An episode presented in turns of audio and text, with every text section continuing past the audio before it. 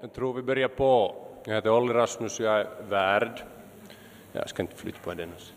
Ja, välkommen och, och det där... Ja, välkommen Kurt. Och det där...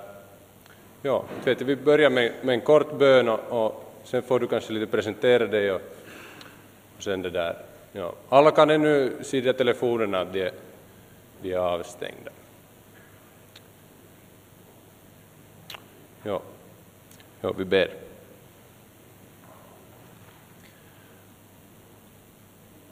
Herre, tack för, tack för det här tillfället och, och, och vi ber att vi skulle ha, ha orkat att höra och vi skulle få ta emot allt, allt som Kurt har att säga.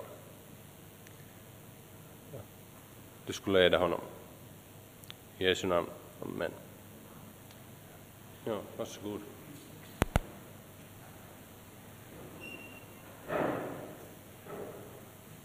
Ja, det är ju trevligt att se så här många unga ståtliga människor här som har framtiden för sig. Jag vill först så vill jag nog presentera min fru, hoppas inte det går som, som eh, när han eh, Kandelin presenterade i, i Danmark att det steg 14 upp. Men Beatrice heter hon, men och hon är en utpräglad ledare, det vet jag. Jag ska tala om det sen. Ja, en företagare är ju ingen talare, han är en görare. Så att nu har ni hört så väldigt många fina tal och jag representerar inte egentligen det, utan att hur tillämpar man saker och ting i det vardagliga livet, det är ju det som en företagare framför allt syssla med. Jag har varit VD i 27 år, så jag vet ett och annat av problemen både till och från. Ett familjeföretag, vi är ungefär 500 anställda i, med dotterbolag i sju länder. Och väldigt expansiva för tillfället också.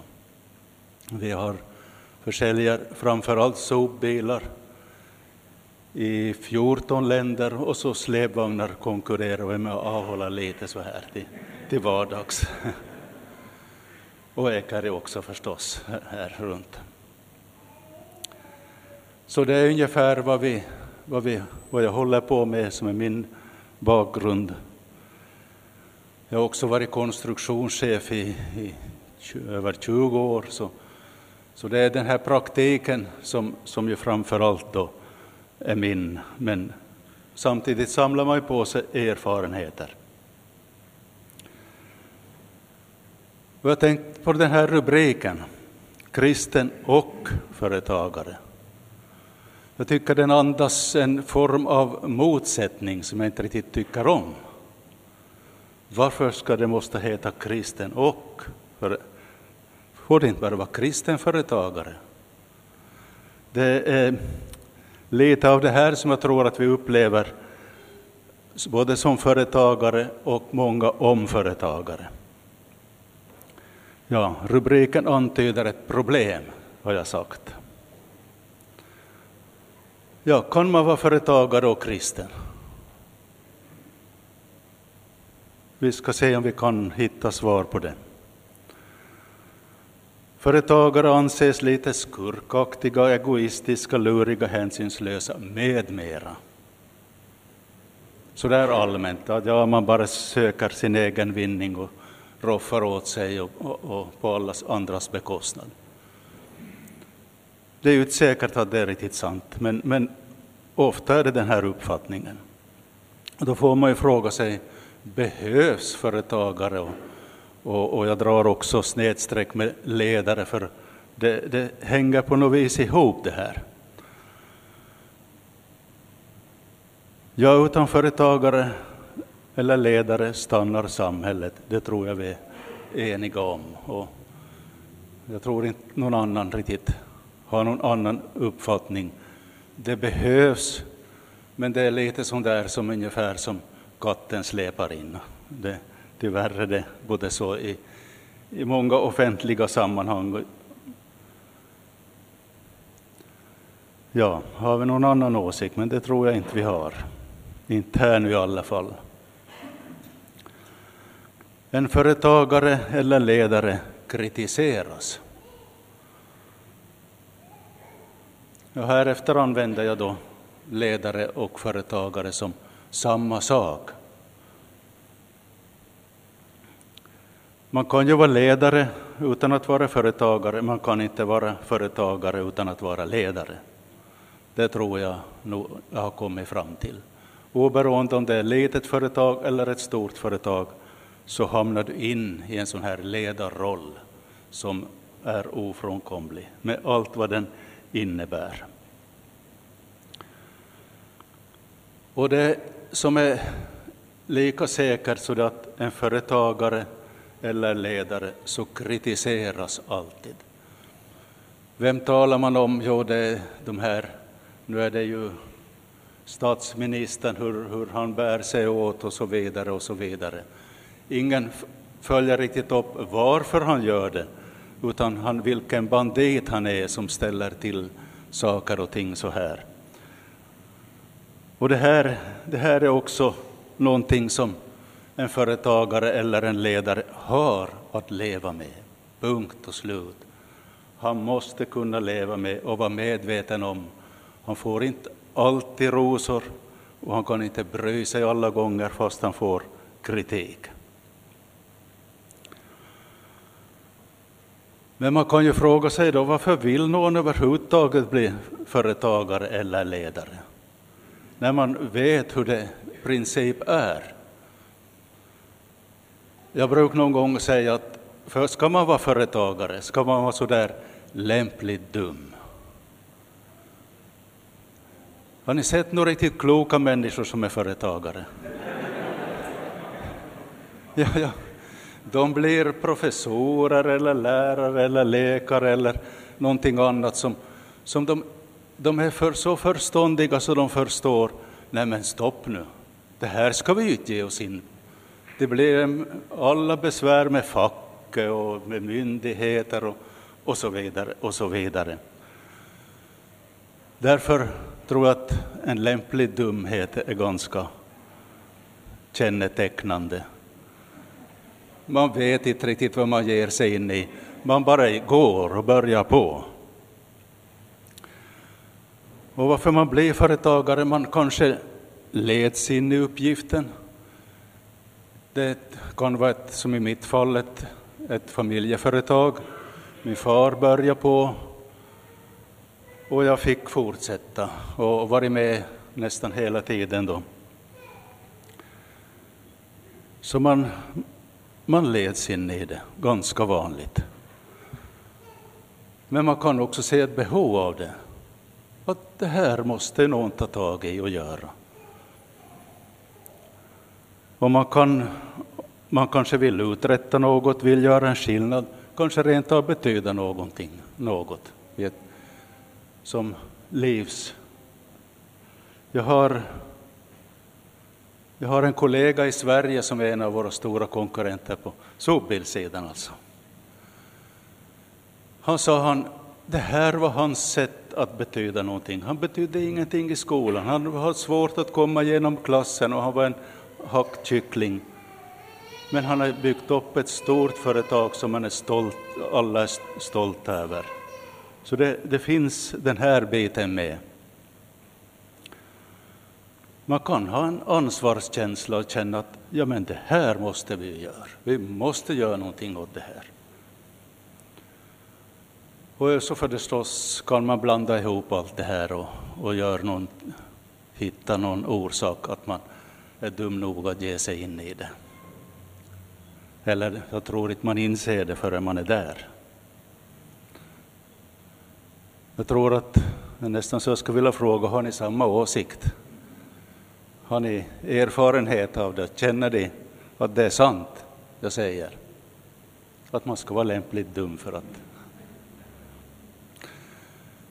Jag kan säga att den, i Närpes, därifrån jag då kommer, så Finlands största växthusodlare, en har nio hektar och bygger ut tre hektar till den andra har nio hektar, de tävlar med varandra. De har haft full show att klara folkskolan. Så det, det ligger någonting i det här. Det var någon som, som sa också, att, det var vår revisor förresten, han sa att han nämnde, det var någon som jag kände, så sa han, ni ska veta vad besvärlig elev han var. När han fick en riktigt svår fråga så, och hade honom att svara så steg han upp och sa traktor. han skulle bli bonde och ingenting annat. Han är en av verkliga storbönder idag, sa han.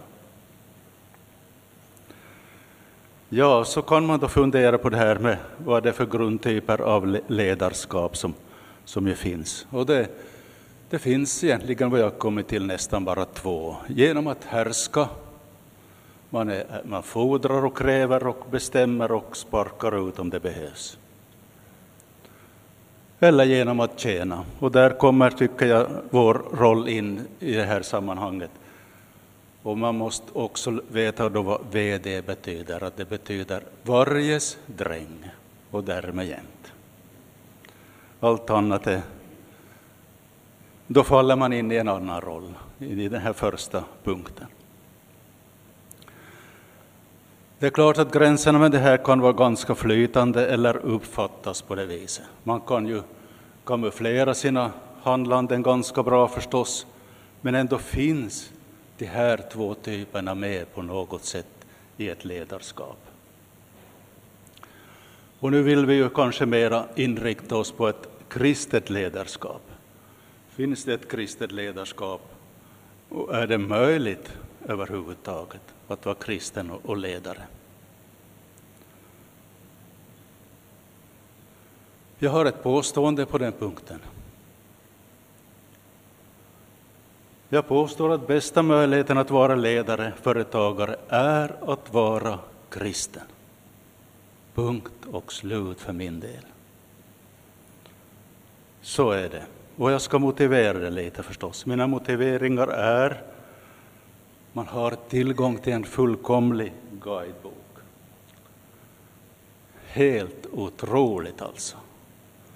Jag kan säga, minns när jag började läsa, jag läste Predikaren, tror jag det är, eh, som där ett förmanings, Salomo har sitt förmaningstal till sin son. Och jag tänkte, men varför har ingen sett, sagt det här åt mig tidigare? Vilka fantastiska levnadsvisdomar som finns samlade där. Och så har man då tillgång till en fullkomlig mentor. Vi kan be, uppleva, vi har någon vi kan tala med, någon som förstår och som vill vårt bästa. Och vi får också uppleva, när vi går riktigt in i det, funktionerar. Jag tror att vi alla på något sätt i, i vår, våra problem vänder oss till den mentor vi tänker på här nu. Jag kan säga att vi just har byggt ut vårt företag. Och det bara så där ett hastigt exempel. Och vi hade väldigt problem med mark. Vi hade vägar runt om och grannar som absolut inte ville någonting. Och jag riktigt till sist gick i nöd inför Gud. Men Herre, har du inte, kan inte du se det här, hur det ser ut? Och kan du inte göra någonting med den här grannen till exempel? For hem på fredag hem och när jag kommer innanför dörren så ringer den här grannen och vill sälja tomten. Okej, okay. för det kanske inte är så vidlyftigt, men när man är mitt i det så känner man, oj, kan det vara så här fantastiskt direkt? Sen att man har en, en grundsyn på livet som bygger på enorma erfarenheter, alltså Bibeln som sådan. Den är ju en 2000-årig lärobok, ja den är ju 4000 snart. Där finns samlade allt vad man egentligen behöver. Jag ska förtydliga de här punkterna lite. Ledaren har också en högre instans. Myndigheter, arbetsskydd, styrelser, man kan lägga till fackföreningar och så vidare. Och så vidare. Inte ledare eller företagare på något vis i en, i en så skyddad tillvaro. Ingen är så utsatt som en företagare om det händer någonting. Jag vet, jag hade en, en arbetsolycka och jag talade med en advokat om det. Så fast för mig var det uppenbart att det var ju, inte var det ju, hade jag ju mitt fel, men han sa, jag tar nog hellre motpartens fall. För regeln är den, har det hänt någonting på ett företag, så är någon skyldig alltså. Och, och då är det i första hand högsta ledningen som är skyldig. Du har inte visat neråt, har inte haft dem att lära ut och så vidare och så vidare. Så att varje dag så sitter det nog en företagare med anställda. Att vad händer idag? Var sitter jag? Och vilka polismyndigheter och så vidare är det som man ska reda ut för.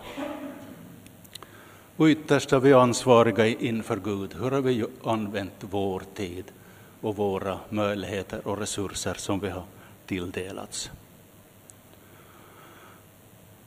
Så kan vi då fråga hur är ett kristet ledarskap?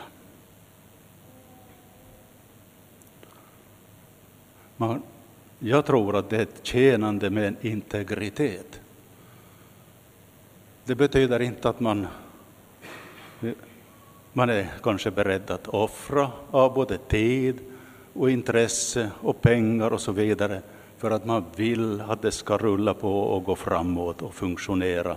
Alla ska man ska funktionera så rättvist som, som ens förstånd räcker till. Och att det är långsiktigt. Ska man bli rik ska man inte ha mycket anställda. Man ska ha några anställda och så ska man samla pengarna på en hög och så ska man fara till Mallorca och leva gott. Men det är inte en långsiktighet. En långsiktighet så en fortsatt kamp och man försöker och håller på och ska vara en nyttig del i samhället och för all, allt som man har tilldelats. Det är osjälviskt, generöst, utgivande. Okej, okay, det här kan låta klichéaktigt, men så här tror jag ändå att det är. Och jag vill också ta fram urtypen för kristet ledarskap om vi går till det. Och då kommer vi till fadersrollen. Vi har en far i himmelen som vill oss väl. Vi har kanske en liknande uppgift i ett mindre sammanhang. Vi har, som jag nämnde, gudfader. Vi är familjefäder. Vi vet vad det innebär Vi är kanske församlingsföreståndare eller en församlingsföreståndare enligt biblisk modell. Det är också en fin urtyp för kristet ledarskap. Om vi då tittar på det här ledarskap ur faders perspektiv som jag tycker då är för mig åtminstone det jag har kommit fram till det, det sunda och vettiga. En far älskar sina barn och vill, vill dem väl. Det är välvilja. Han stöder dem, uppmuntrar, tillrättavisar i kärlek och visar vägen. Och så skolar han dem till, till självständighet. Det här tror jag vi som fäder försöker funktionera. Jag har haft någon, någon sån här pojke som jag tagit hand om någon gång så där utanför, som inte har skolats till självständighet. Och på något sätt är det den största olycka som kan inträffa, att en människa, en mamma binder upp sitt barn, de får aldrig bli självständiga. Man säger att någon har sagt att pappans viktigaste uppgift är att ta sonen fri från mamma. Att komma till en självständigt liv. Det här är hur ett faderskap funktionerar. Det här är inte bara fråga om en familj, det är frågan om ett ledarskap överhuvudtaget. Är det i församlingen, är det i en stad eller är det, är det statsminister eller liknande, så ska det finnas den här drömmen att kunna göra på det här sättet. Och så hjälp vid på trängande behov. Jag tror vi som är fäder har alla upplevt det. Vi hamnar att hjälpa till någon gång när det riktigt kärvar till sig. Så här ser ett, ett ledarskap ska funktionera oberoende av var det finns. Och så ser vi det ur ett faders perspektiv. Ja, vad hamnar vi som fäder att göra? Vi hamnar att be för våra barn, hamnar att be för vårt företag, vi hamnar att be för den uppgift vi har fått. Och i tro och förtröstan lita på, på Guds hjälp. Vi är ändå ytterst utsatta för, för den sitsen. Vi, vi vet att vi kan inte styra över våra barn, vi kan inte styra över våra anställda, inte någonstans. Vi, vi måste lita på att Gud finns med i, i sammanhanget. Och då lite frågeställningar som jag nog tänkte för mig, att hur hör man det?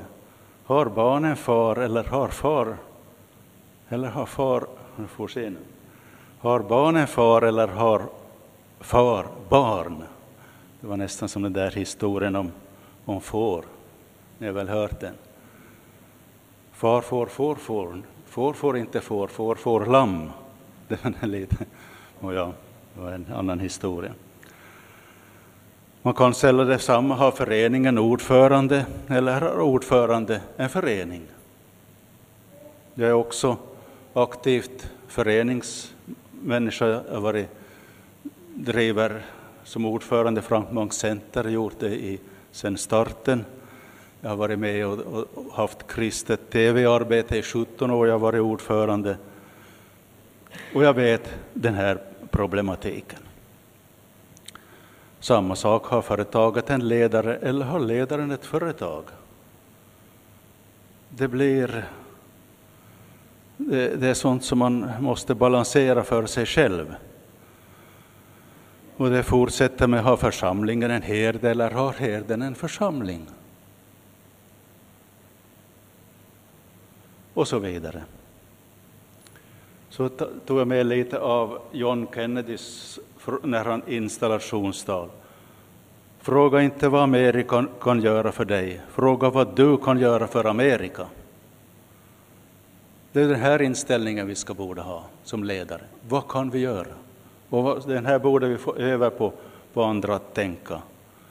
Jag vet att det här är inte John Kennedys egna ord, han gick på universitet i, i Oxford och därifrån fick han det här, har jag hört.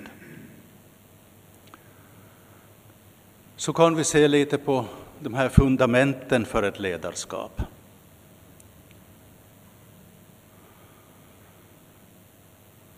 Man behöver klarlägga syftet med, med sitt ledande för, för sig själv och för andra. Vad är det vi vill med det vi håller på med?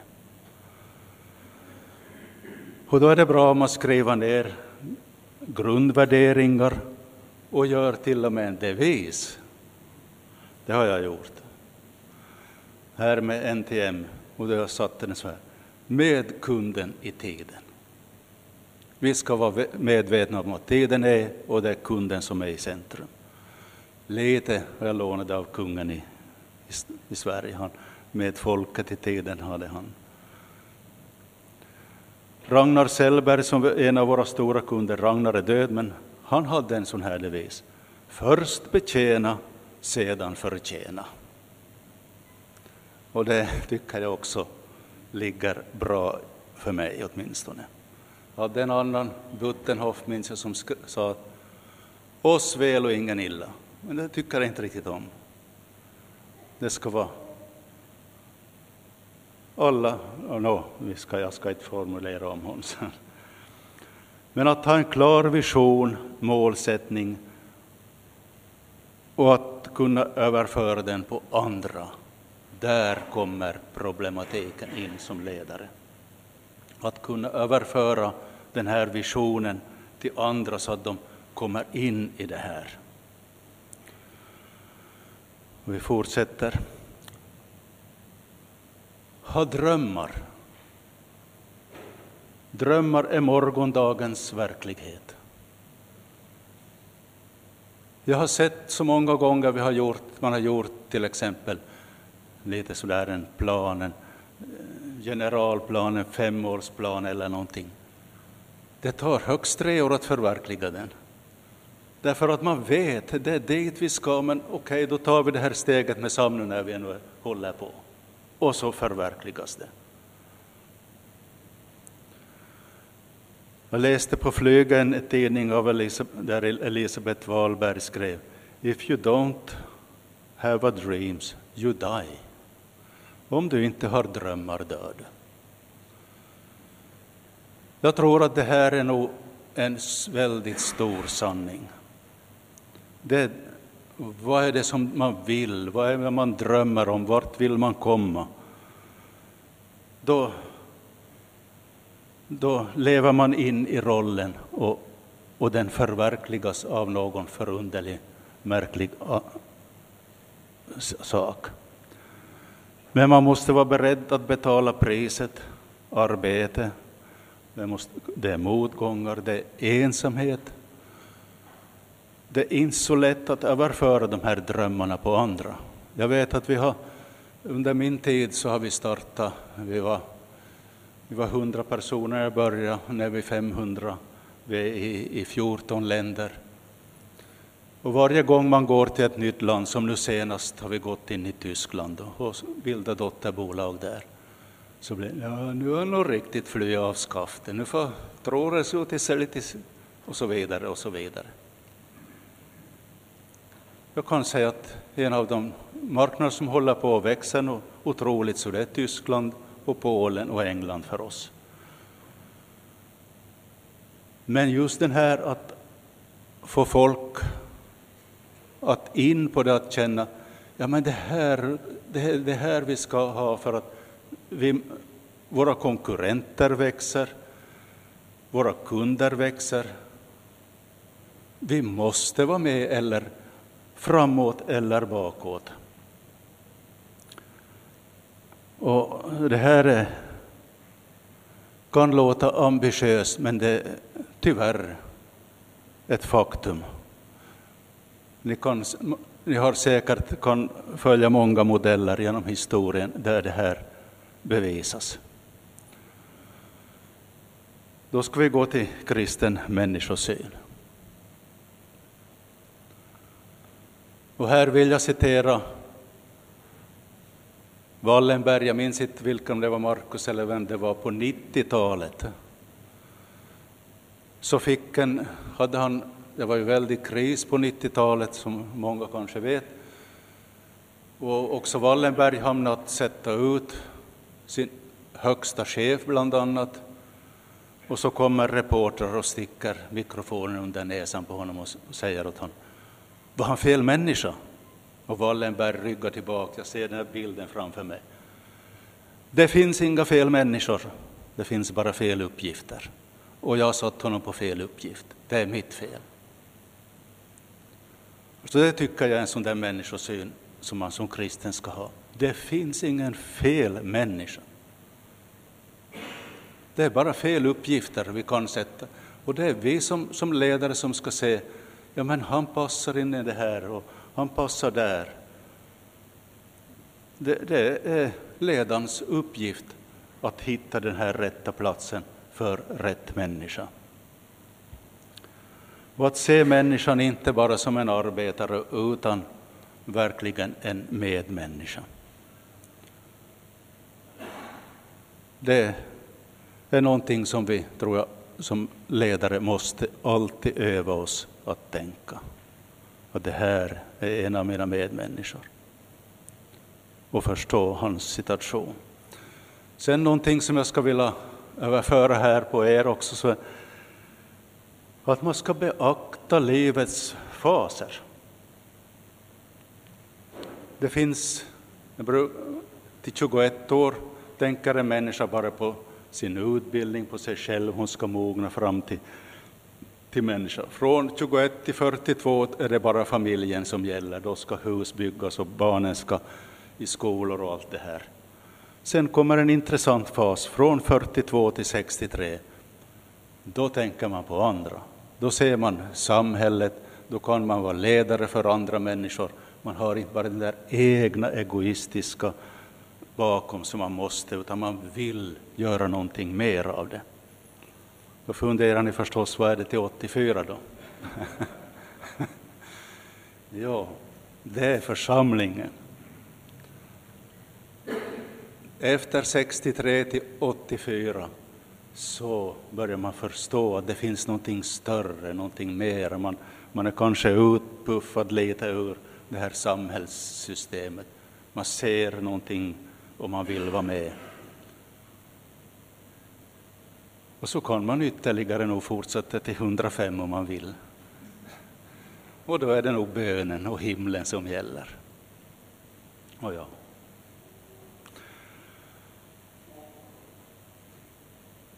Man ska se en människa lika effektiv mellan 21 och 63. Den här 21-åringen, han springer och hoppar och upp efter stegar och ner, ner och hämtar en nyckel och upp tillbaka. Och den här 63-åringen tänkte, jaha, jag ska upp där och ta med det där nu alltihop på en gång. Slutresultatet blir exakt detsamma. Och det tycker jag ska vara en, en sån här människosyn vi ska ha. Människan är lika viktig och effektiv mellan 21 och 63 som effektiv arbetsmänniska. Sen kan man tänka på att man, någonting som också om man anställer någon, anställ inte någon som är 42 år som byter bransch. När man har arbetat i en bransch till 42 år så har man så mycket kunnande, så mycket relationer som man inte ska slänga på sophögen och börja om att bygga upp de här relationerna. Man kan byta företag. Du kan komma till oss när du vill. Har no,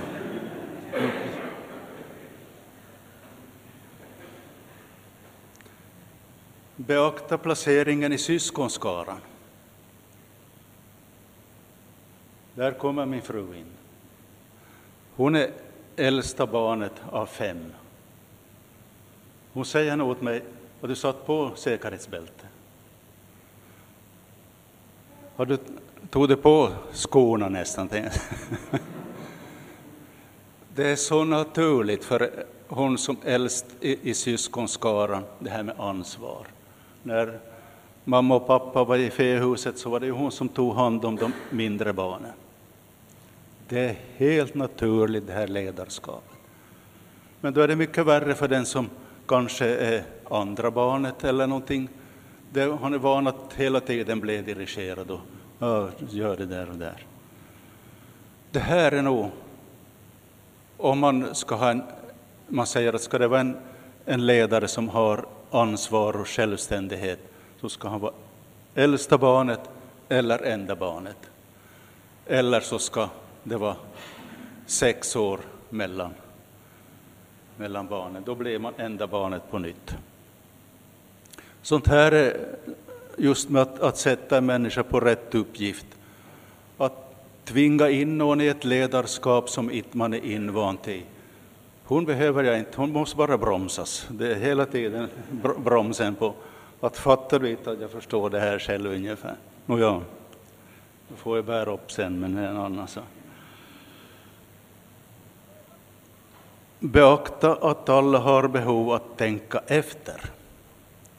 Det här gör vi som ledare väldigt ofta. Vi sitter och tänker kanske en vecka och så två veckor och plötsligt har vi det. Ja, men så här ska det vara. Helt klart alltså. Och så går vi till, till den gruppen vi samarbetar med. Att nu har jag det.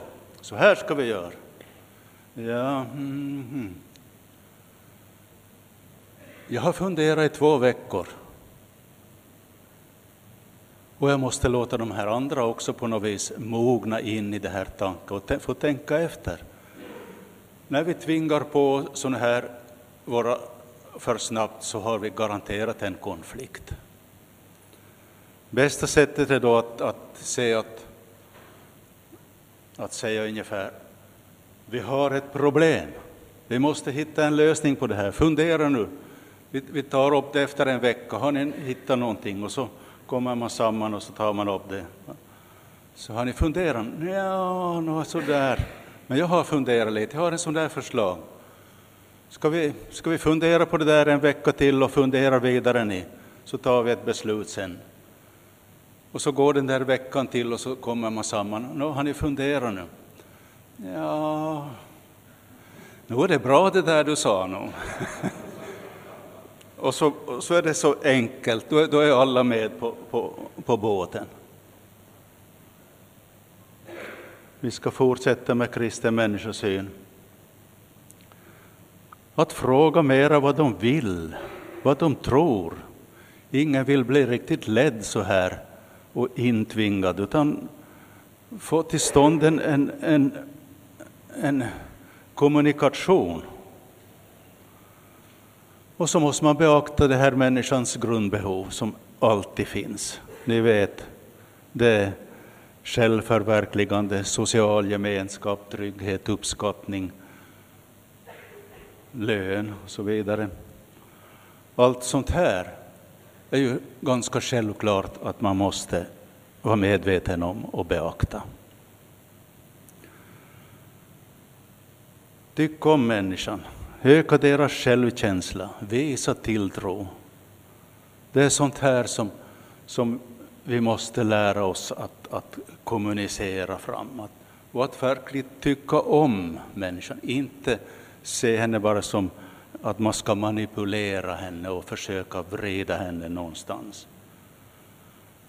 Utan tycka om och öka deras självkänsla. Så har jag sagt här, dela framgången, grupparbete, det hänger ihop med det här. Det heter att vill du göra någonting snabbt, gör det själv. Men vill du göra det länge, så var många. Jag har från föreningsliv och allt sånt här erfarenhet av det här. Man måste kunna bredda det så att man får flera som är med och engagerade, annars så dör det. För man orkar inte i längden. Fast det också är jobbigt, tänker nu på en präst eller vem som helst. Det är så enkelt, ja, jag gör det själv så är det gjort. När man kanske borde ha jobbat med att försöka engagera någon annan, komma in i rollen. Det här gäller, ska jag säga, på alla områden i livet. Och så ska man tänka på att utan en organisation blir det bara ett slag i luften.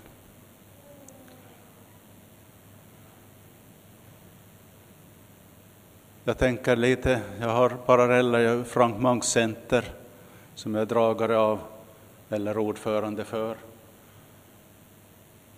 Frank Mangs arrangerar aldrig någon organisation. Det var princip att när han slutade. Så kan man tänka på John Wesley som organiserar metodiskt, därför är de är metodister, och det byggde upp väldiga organisationer som finns än idag efter 300 år. Och det här måste man nog vara medveten om att man ska göra.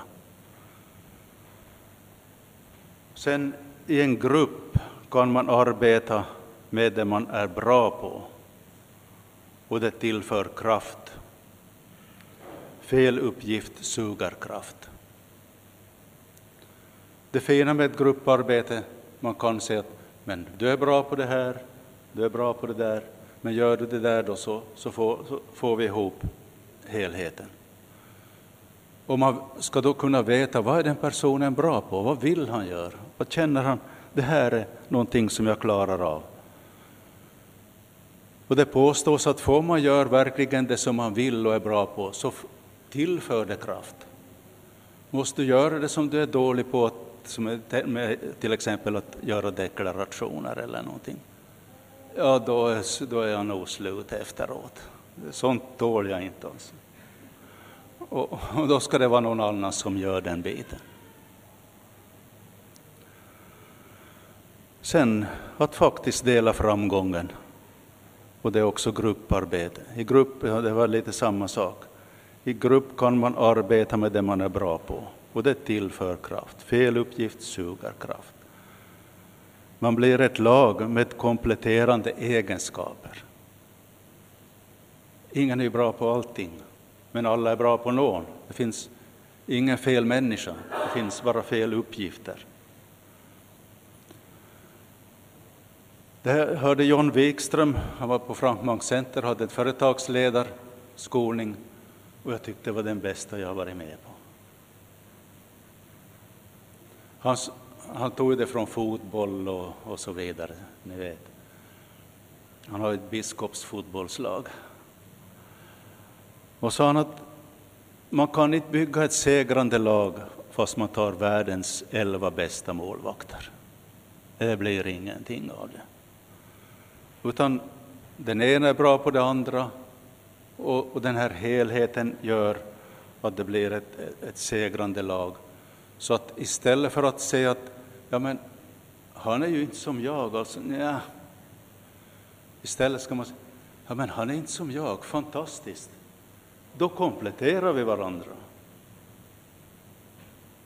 Att se det under den rollen att vi kompletterar varandra. Jag beundrar honom för det. Han hade ett väldigt fint utlägg. Jag rekommenderar honom för sånt där. Och det fortsätter dela framgång. Beakta behov av grupptillhörighet. Och så har vi, jag satt där, en för alla, alla för en. Vet ni vem som sa det? Det är tre musketörerna, ja. En för alla, alla för en. Att det är det som man kan uppnå med en sån här gruppgemenskap. Och så lockar det fram en, en sund tävlingsinstinkt. Nu ska vi knäcka Limitec eller någonting annat. Sådär. vi ska göra en bättre produkt. Det är inte så lätt förstås, men vi försöker hela tiden.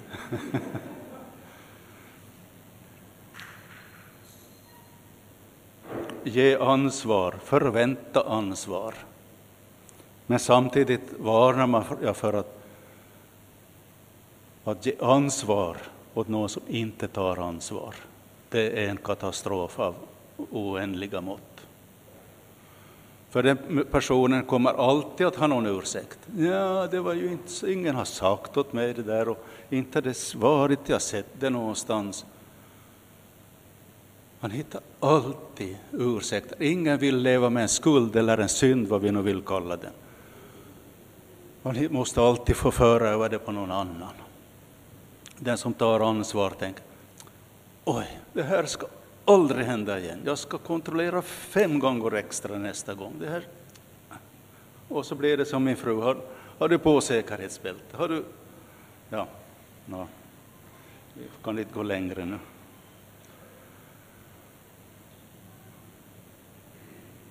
Ja, man ska det ger också skydd för fel partner. För att i en grupp så vet man om man känner, alltid någon känner någon.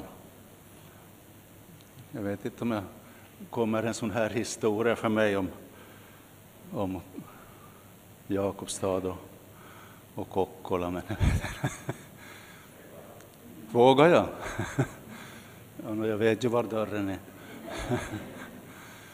Det var så att två, de slog sig ihop och bildade företag. Den här Jakobstadsbon hade medel och Kokkolabon hade erfarenhet. När de slutade så hade Jakobstadsbon erfarenhet och Kokkolabon var rik. och det är en sån där Kokkola-historia. Men det, det finns en, en, en, del i det där att, att är man i en grupp så har man ett visst skydd för att man inte går in i, i fel kompanjonskap. Sen, att satsa på dem som vill. Jag läste nyligen en artikel om, av en som hade varit chaufför åt Frank Mangs. Och han, det var den här problematiken, ska församlingen vara så tillvänd mot att sökare kommer eller av de som söker? Det finns de som söker och aldrig vill finna och så vill det de som vill finna. Så man, sa, man ska satsa på de som vill. Han har satsat så mycket av sitt liv på de som inte vill och det leder ingenstans. Och samma sak är det i ett, vilken organisation som helst. Att satsa på de som vill, verkligen, som vill, det för framåt. Jag vill också ta upp lite kundbetjäningens grunder, därför att som företagare är vi ju alltid behov av kunder. De är ju, många säger de är ett nödvändigt ont, men, men så får man inte se det. De, man ska vara intresserad av kundens behov. Vad är det, hur kan jag hjälpa den här människan? Vi, vi lever nu på den här, i samma bransch och vi, vi, vi är ett symbios här på något sätt. En framgångsrik försäljare så han intresserar sig för kunden. Han intresserar inte sig för att sälja, utan han intresserar sig för kunden. Och att man försöker hitta fram till vad är det den här kunden verkligen behöver. Och kunden ska känna, ja men den här vill faktiskt hjälpa mig att hitta den här rätta vägen framåt nu. Och som sagt, hjälp dem att lyckas. Jag har sagt någon gång åt någon som har sagt att, att men hur räknar du att få tillbaks det här som du har satsat här nu? Så jag har sagt, du förstår inte här du nu. Inte det här fråga om, om bara pengar, utan vi odlar äppelträd här. Vi vattnar och vi sköter och hackar och en vacker dag så kommer det äpplen och vi vet inte riktigt hur det har gått till. Att man är en del av kundens liv som tillför kunden nytta. Och att se då problemen som en möjlighet. Är man duktig så ser man, oj, det här har kunden ett problem. Det här ska vi försöka lösa. Jag kan säga därför är vi... Det var en kund, en av våra konkurrenter på sopbilsidan som sa att ja, men inte kan man ju konkurrera med NTM, de gör ju vad kunden vill ha dem. Ja, de gjorde det som de var, ansåg sig vara bra på. Och sen förstås samma sak, den här fadersrollen, älska Gud över allting och din nästa som dig själv. Den, den regeln gäller alltid. Tankar på vägen ska jag ta lite upp här nu. Det har varit mycket tankar förstås, men som där lite samlade godbitar om man får sig. Kanske mera från också kristet perspektiv. Det här i Ordspråksboken står, låter du modet falla när nöden kommer, saknar du nödig kraft.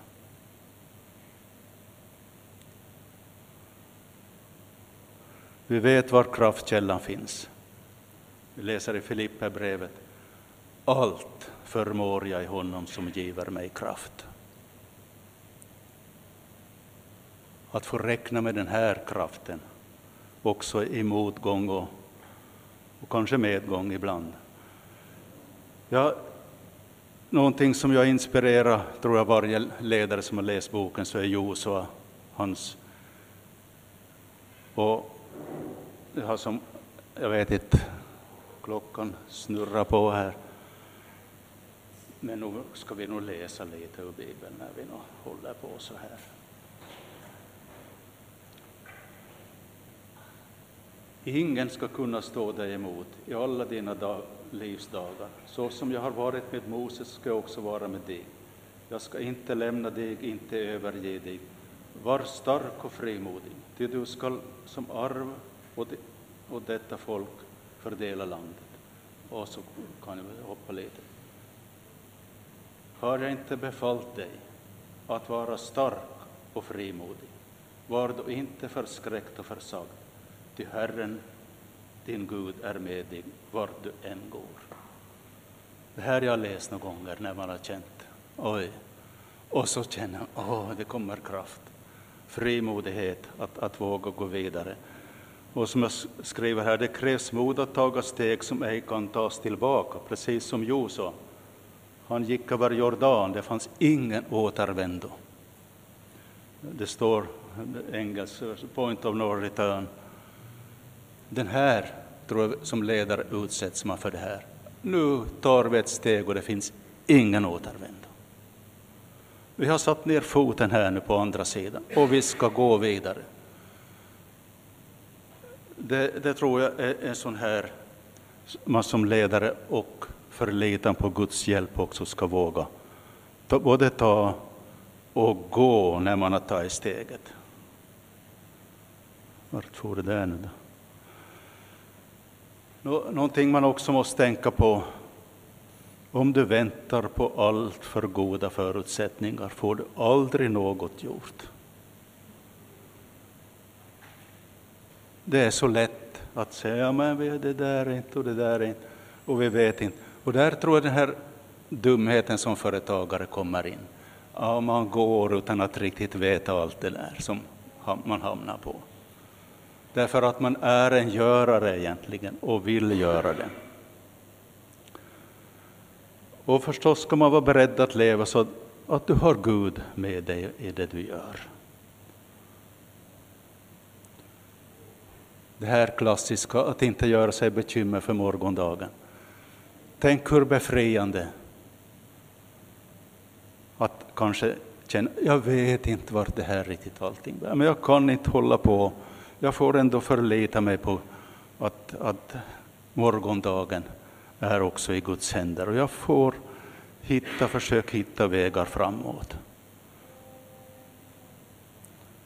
Och så har jag skrivit rama in. För den som älskar Gud samverkar alltid det bästa. Det här har jag upplevt så många gånger. Man har tyckt, åh, äsch, nu gick det här så snett.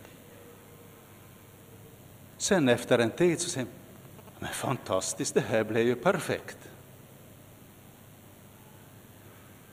Och jag vill ändå tro att det både av bön och, och, och Guds gemenskap och, och det här som det finns någon större styrning som som vill, vill en väl, därför att man älskar Gud, så samverkar det till det bästa.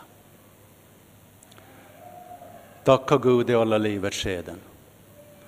Jag har märkt att bästa sättet är när man går till exempel på verkstadsgolvet och så börjar man inte se problemen, utan man tackar. Tack för alla fina medarbetare. Tack för dem och tack för de här kunderna. Tack för att det här har funktionerat. Då börjar det fungera ännu bättre. Det är så, så konstigt. Fortsätter med tankar på att man ska förnya sig ständigt. Man får inte lämna och tro att nu är allting färdigt, nu, nu kör vi så här det, det är oerhört farligt att tro och inbilla sig någonting sådant. Jag kanske någon såg tv-program där jag var med citerade om, om, om segelbåtstillverkningen i, i, i sydöstra botten. Det stod kartor från 1500-talet. Här byggs fartyg. Så observerar man inte att det kom ångmaskiner. Idag görs inte en roddbåt i sydöstra botten heller. Och det är bara 120-30 år sedan. Man var inte vaken, man förnyade sig inte. Sen att kunna överföra sina visioner. Folk vill delta i visioner, inte i kostnader. Jag har tänkt på det här kollekten ni tar här också. Ja, det är för att täcka kostnader. Inte vill vi vara med i kostnader, vi vill vara med i en vision. Vad är det som målsättning? Vart vill vi komma med det här? Och sen som ledare, så, du ska inte vara vindflöjel utan vägvisare. Det är dit vi är på väg. Det är det här som gäller. Ha tro för framgång, ha ett vinnande attityd. Det är sånt som vi hela tiden måste öva oss i, att inte falla in i den här, ja, det är nog så eländigt, och, och så vidare. Så måste vi vara medvetna att som ledare så fordras en viss mått av ensamhet, respekt och mod.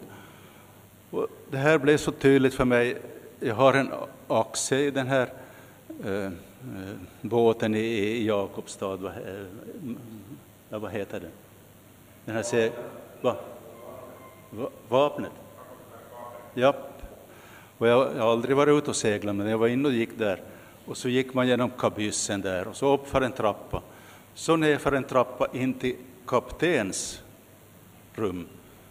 Däremellan fanns det inte någon dörr. Det talar till mig väldigt.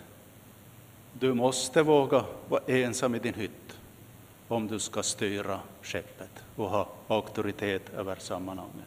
Du får inte låta dig falla in i det här att du måste vara en av gänget, absolut. Du måste våga ta den här kaptens uppgiften på allvar. Och att just motivera andra till framgång, det behöver väl inte. Omge dig med goda medarbetare, det, det, är en viktig sak. som Här kommer igen in det här med, med ens företagarens allmänna dumhet. Man måste förstå att man är dum. Carnegie som hade rikast i, i, i, i Amerika, så han skrev på sin gravsten här vilar en som förstod att omge sig med människor som visste mer än han själv. Och det här tror jag en, en, en, en företagare inser. Ja, men det här klarar inte jag. Jag måste ha en, en som har den här utbildningen, som har det där. Och då kan man bygga det här teamet och, och få det att funktionera. Man ska inte tro att man måste göra allting själv. Det finns klokare människor än, än, än dig på, på många, många områden. Och de ska man försöka få med. Och så måste vi se att din ära är att medarbetarna och företaget lyckas. Det är inte min ära. Vi ska dela den äran. Men min ära är inte om jag hittar en väldigt bra konstruktion eller någonting sånt, utan att företaget funktionerar, att helheten funktionerar, att, ja, att det funktionerar som helhet. Och så att man bör komma ihåg det här, Guds fruktan är vishetens början. Det sa Paulus också. Om inte vi har den där Guds fruktan så, så kommer vi visheten på spåren. Och just det här som med ledarskap. Det måste finnas den här Guds fruktan med och förtröstan på Gud. Så därför ska vi läsa, tycker jag, som vi har säkert hört här, läs Bibeln varje dag, be beständigt, det ger ledning, trygghet, mod att sköta din uppgift. Så vill jag återkomma till mitt påstående att på basen av dessa motiveringar vidhåller jag mitt påstående att bästa möjligheten att vara företagare eller ledare är att vara en levande kristen. Det är min fullständiga övertygelse. Jag ska inte kunna tänka mig en annan sits idag. Ja, det var ungefär vad jag ville ha sagt. Men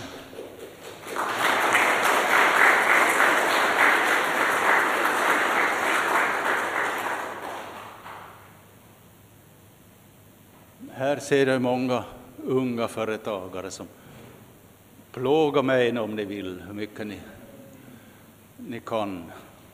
Och om det är frågor som ni tycker eller ni som är äldre, bestred mina påståenden.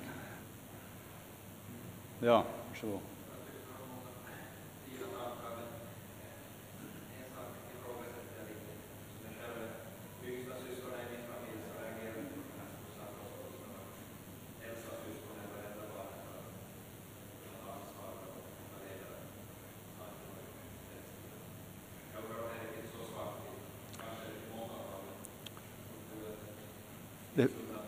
Det finns inga regler som inte har något undantag, det är helt klart. Men det är ju naturligt att jag har själv tre barn och jag ser också skillnad där. Jag behöver inte gå längre. Men som sagt, jag vet inte hur, hur mycket äldre är din äldre syskon? Ja, där var det. Alltså man räknar att om det är sex år i skillnad, då är man första barnet igen. Det här är ju inte någonting jag har hittat på, förstår ni. Det här är en sån där allmän psykologi som, som, som det är frågan om. Men man gör klokt som företagare att beakta det här att man sätter personen på rätt plats. För annars så kanske du sätter honom på någonting som man inte riktigt klarar av eller vill och han blir slut och utbränd. Han blir utbränd helt enkelt för att kraven som inte han är beredd att riktigt bära så sätts på honom. Så det, det är ju inte fel, vi, vi, som sagt, det är inga fel människor, men uppgiften måste vara rätt. Är du nöjd, Daniel? Bra. Mera frågor nu med Sam. Ja.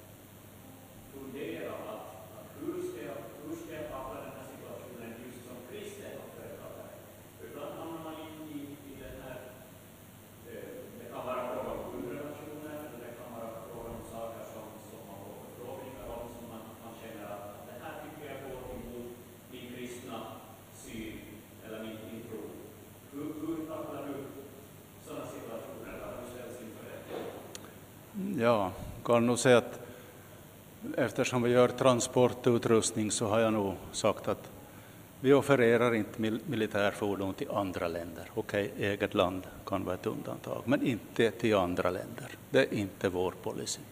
Så någonstans går det där, men jag tror inte heller att man måste mm, vara den där moralläraren för andra. Jag vet ju, har ju en goda vänner i Vasa som har reparerat många krogar här i till och med specialist på krogar i Vasa. De är brinnande pingsvänner och gideoniter och så vidare. Så det, inte, inte tror jag man ska riktigt Ekholms. Ja. Inte tror jag man måste, måste tvinga andra att, till den övertygelsen. De ska själv komma till den. Men i alla fall, Ärlighet och uppriktighet, det är ditt, ditt bekymmer. Att, att vara va, va rejäl och ren. In, in. Ja. Mm. Ja.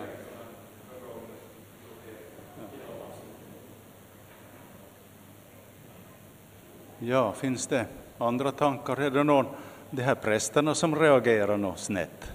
No, nej, nej, Daniel.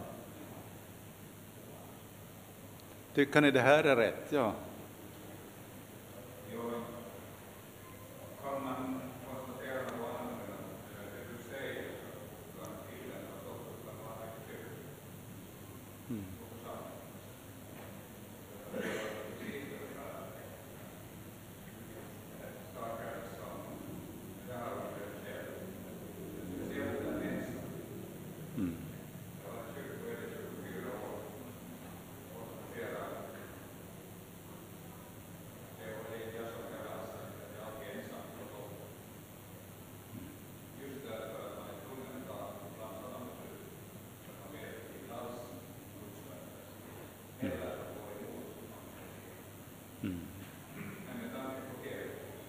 Ja.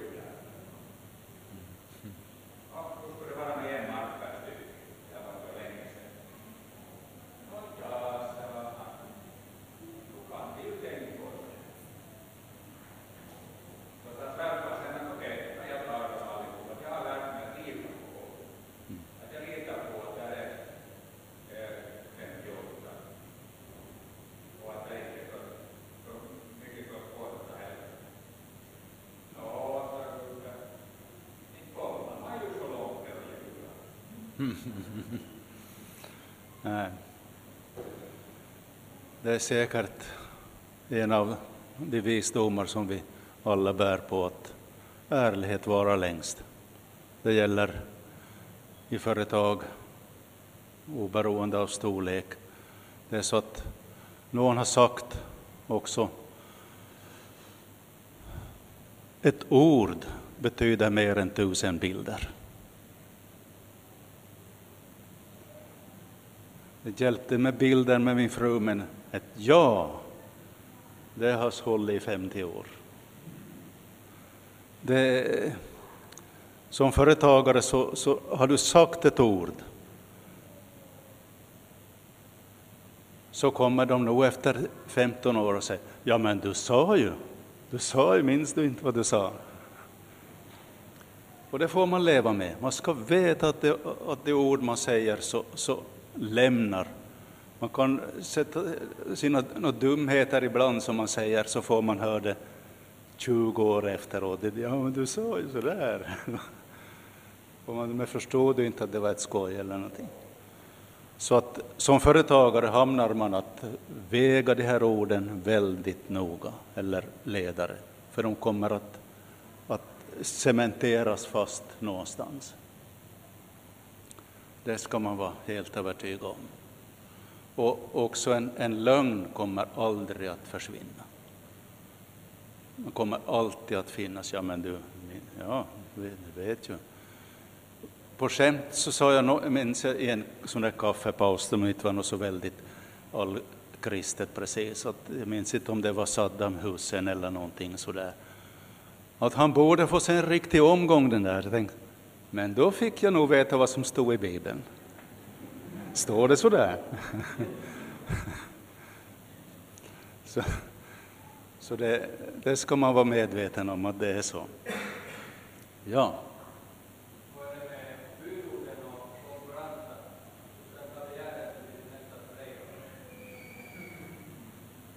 Det tycker jag också är självklart.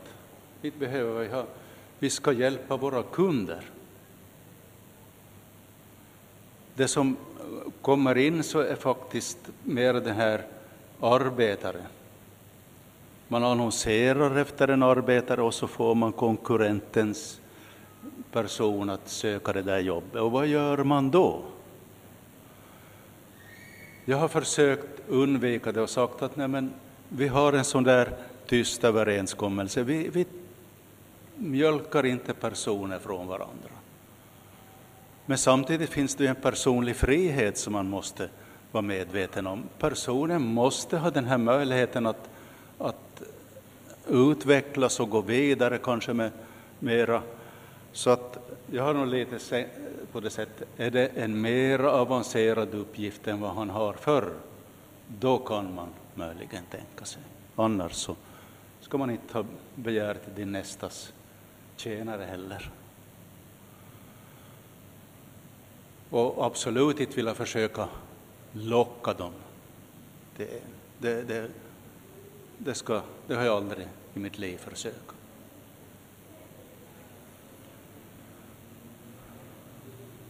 Är det bra? Godkänner du? Avtal? Ja, alltså det är ju... Ja, men jag förstår inte hur du tänker. Man, alla har ju, ger ju ett anbud. Och, och, och, det är ju att kunden som ska göra det här avgörande. Man ska, man ska inte slå krokben för andra förstås, hitta på allt möjligt. Vilket, där måste man känna att man har ett rent samvete på, på något sätt. Men det var någon som sa här att det var en person som han upplevde um, i, han är i världen men icke av världen. Och det ska vi ha med oss. Vi är i världen. Men vi är inte av världen. Vi har en annan värld som väntar oss, som är långt mycket viktigare att ha för ögonen. Och då ska man inte bränna eh, relationerna mot Gud och, och med, varken medmänniskor i onödan.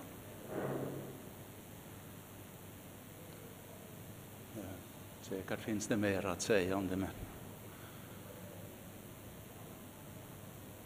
vi har ju, vi har ju ett inre samvete som, som vi får lyssna till, som också säger väldigt mycket på det området.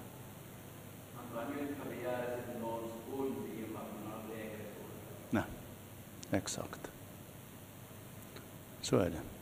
Kunden är en fri människa som handlar på, på sitt sätt. Och det ska man vara också respektera att han är fri, så att man inte blir arg när han gör någonting annat. Det är ju hans val och hans frihet. Han, vi ska bara vara så bra att han med alla medel vill handla med oss och vara med oss och, och hjälpa oss. Eller han upplever att han har en hjälp och respons i vad vi samarbetar och funktionerar. Ja. Klockan är 17.00. Jag vet inte, vad var det för tid du hade? Ja, men det börjar vara dags för någon kaffepaus. Men vi har ju formellt en möjlighet till frågor. Vi, vi är ju säkert lite i samma båt alla som sitter här och kan stötta och hjälpa och uppmuntra varandra.